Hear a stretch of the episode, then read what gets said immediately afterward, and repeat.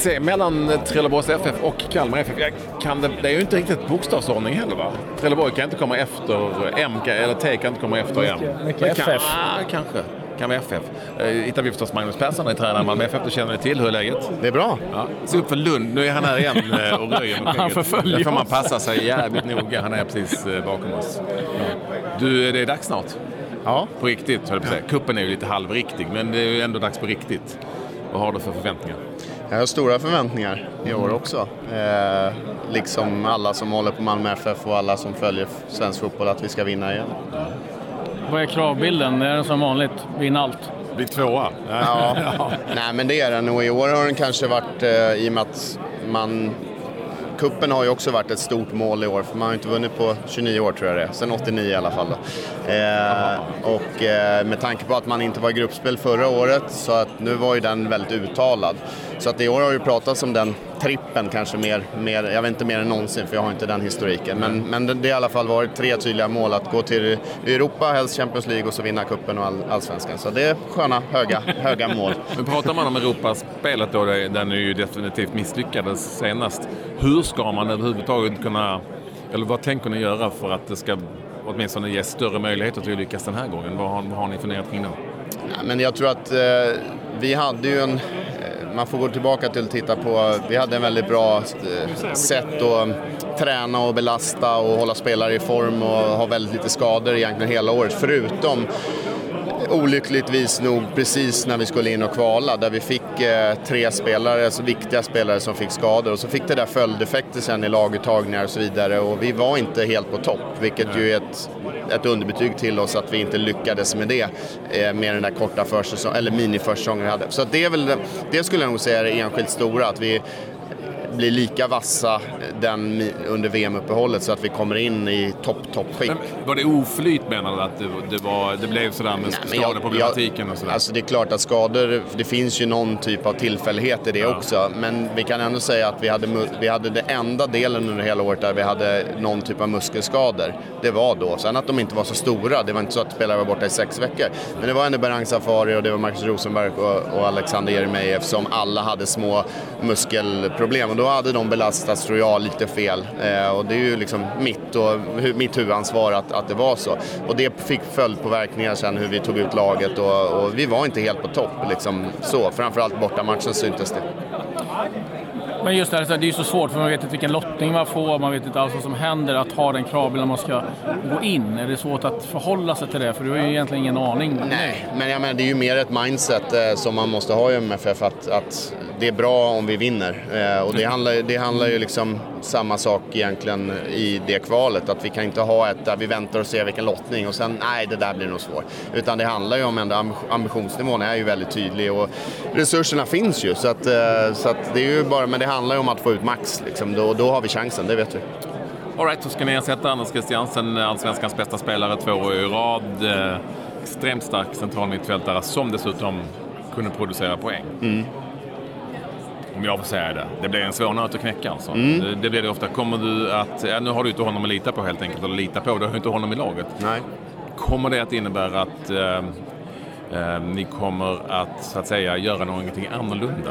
Mm, jo, men lite följdeffekter får det ju såklart. Att det valet det blev då när Anders försvann så blev det ju Fouad Bachirou som vi rekryterade in för att ersätta honom. Och jag tycker nog att nu kanske eh, man ska ju inte sammanlikna dem på det sättet för det är två olika spelare, men jag skulle säga att de är på samma hyllplan i nivå. Däremot så är Fouad bättre defensivt än vad Anders var och Anders är bättre offensivt. Men de kan göra ungefär samma saker på en plan. Men du har ju helt rätt i att vi tappar assist, vi tappar kreativitet i vad Anders hade.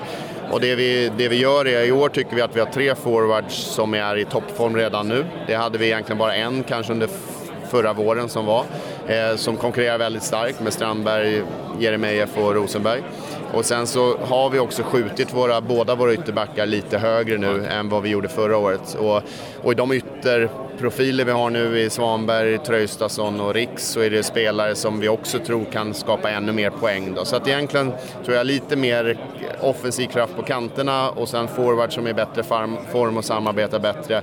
Och så lite mer balans på det centralt mittfält än vad vi hade förra året. Det är ungefär de korrigeringar vi har gjort. Lite mer inläggsspel att vänta? Är liksom... Ja, absolut. Jag tror vi har gjort hälften nu av våra mål med just inläggsspel och lite nya strategier i det jämfört med förra året. Just med tanke på vilka spelare vi har från start i år. Så det känns kanske som vårt giftigaste vapen har varit hittills i alla fall. Kommer du känna saknad av, tror du, om vi nu får säga det, generellt kreativ central mittfält? Ja, nu har vi ju, alltså, i och med att vi gick tungt in på att det var Fouad vi tyckte var rätt och då tyckte vi att han var rätt både för att kunna vinna allsvenskan men också för att när vi spelar i Europa så ja. han och Oskar som i, idag är de två som har spelat mest, att de två tror vi defensivt och offensivt internationellt om man säger där, där det tror vi kommer vara väl, en väldigt stark nyckel där vi kände förra året att där brast det lite. Eh, men då har vi ju ändå liksom så vi har ju valt bort, om man säger kanske den där offensiva innermittfältaren. Nu fick vi ju en spelare som klev fram senast eh, mot Östersund i Mattias Svanberg som ju har precis alla de egenskaperna. Och har spelat där ganska mycket utgår från i ungdomsläget. Han. Ja. Eh, så att nu har vi ju, tror jag, jag, jag tror även med Arno Traustason och Sören Rex att de kan göra det också det egentligen vi letar efter. Men man kan egentligen säga, tillbaka till förra frågan, att vi har egentligen valt det med att skjuta fram andra spelare högre fram i plan och valt bort det egentligen då, när, när Fouad kom in. Bollar du med tanken att ändra spelsystem helt med liksom hur man ställer upp en trebackslinje? Fanns de tankarna någon gång under vintern? Ja, alltså vi spelade ju ett antal olika liksom, positioneringar i anfall och försvar redan förra året och vi har adderat egentligen jag tror att om man nu ska kalla sifferkombinationer så har vi väl tre offensiva huvud... Eller eh, tre stycken olika positioneringar offensivt och vi ligger på fem nu defensivt. Så att, ja, vi har, inget, vi har ingen sifferkombination jag skulle beskriva vårt spel. Däremot kan man säga att oftast egenskapsmässigt så väljer vi en målvakt, brukar vi ha, och sen brukar vi ha fyra eh, backlinjespelare, fyra mittfältare och två forward. Det är liksom standard, men sen hur vi liksom vrider på det och vem som gör vad, det, det är ganska flexibelt. Du vet hur det är Claes med sifferkombinationer. De nämner ju bara tränarna när de har vunnit och när de förlorar säger de att det är inte så viktigt, det är bara, det är bara en sifferkombination. Så Men jag är lite nyfiken på en sak. Kommer ni alltid vara det laget som du, oavsett vi möter så kommer du köra det här, vi, de får rätta sig efter oss? Eller kan du nej, nu korrigera efter de här vi möter? Ja, nej, det sammansmälter alltid med egentligen hur vi Alltså var, hur ser vi som lag ut formmässigt? Alltså, och då menar jag så här, om vi tar de sista omgångarna innan vi vann, de där fem sex matcherna under hösten när vi var kanske som starkast förra året. Då valde jag egentligen, vi valde samma startelva och samma sätt att spela och så körde vi och så fick de andra anpassa sig för vi var så starka då.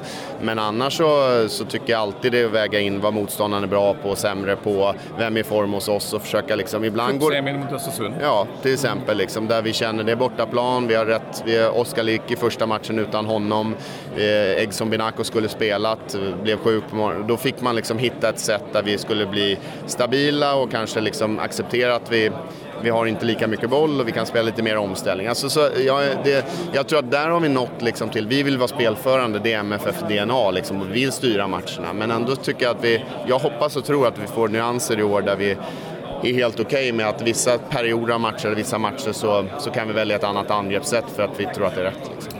Nu är jag lite insnöad igen på det där centrala mittfältet, men om jag säger så här då. Alltså, Han är sugen på en plats. Nej, nej det, det har alltid varit sent. Men, men, men, men Bachirou, eh, jag utgår från att du såg honom i Europaspelet mm. väldigt mycket. Såg du honom lika mycket i Allsvenskan?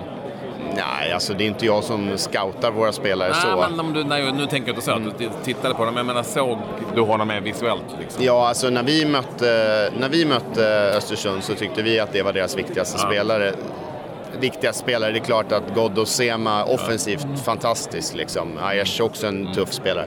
Men han var den här länken till deras anfalls och försvarsspel som, eh, som alltså gjorde att de kunde vara så offensiva för att han kunde rädda ut det med sina löpningar och han kunde ta fram boll även, även offensivt. Så att på det sättet, matcher mot oss ihop med Europa, det är ju där jag har sett att det här är en spelare som kan spela på allsvensk toppnivå och också vara ännu kanske bättre när, när det krävs ännu mer defensivt. Då en öppen fråga här heter men vad ska bli roligast i år? Nej men det är ju, alltså det, jag vet, det är kul att det startar liksom. Alltså, det har varit en kul försäsong med kuppen och det är många nya spelare hos oss. Eh, och liksom få jobba med dem och utveckla dem och utveckla laget. Vi har haft det väldigt, eh, vi har integrerat dem väldigt bra tycker jag. Det känns som att vi, vi har kul ihop liksom och det, det är bra utveckling på det. Du lärde ju lite spelarna i Malmö FF väldigt mycket. Men vad har du lärt dig av Malmö FF?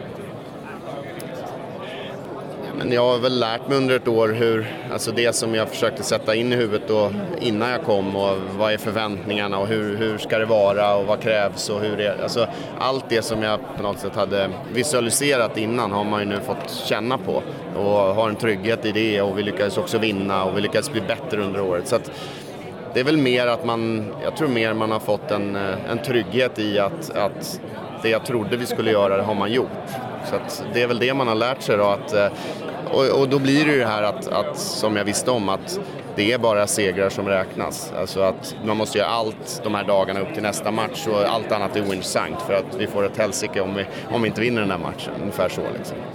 Vi ställer samma fråga till alla här nu. Du tvingas välja ett annat lag att träna i Allsvenskan. Vilket väljer du då? Och alla har svarat. Det är så? Ja. Alla har svarat? Någon svarar Malmö. Öskan sa att eh, Öskan, det var det lättaste, lättaste sättet att vinna Allsvenskan. Ja.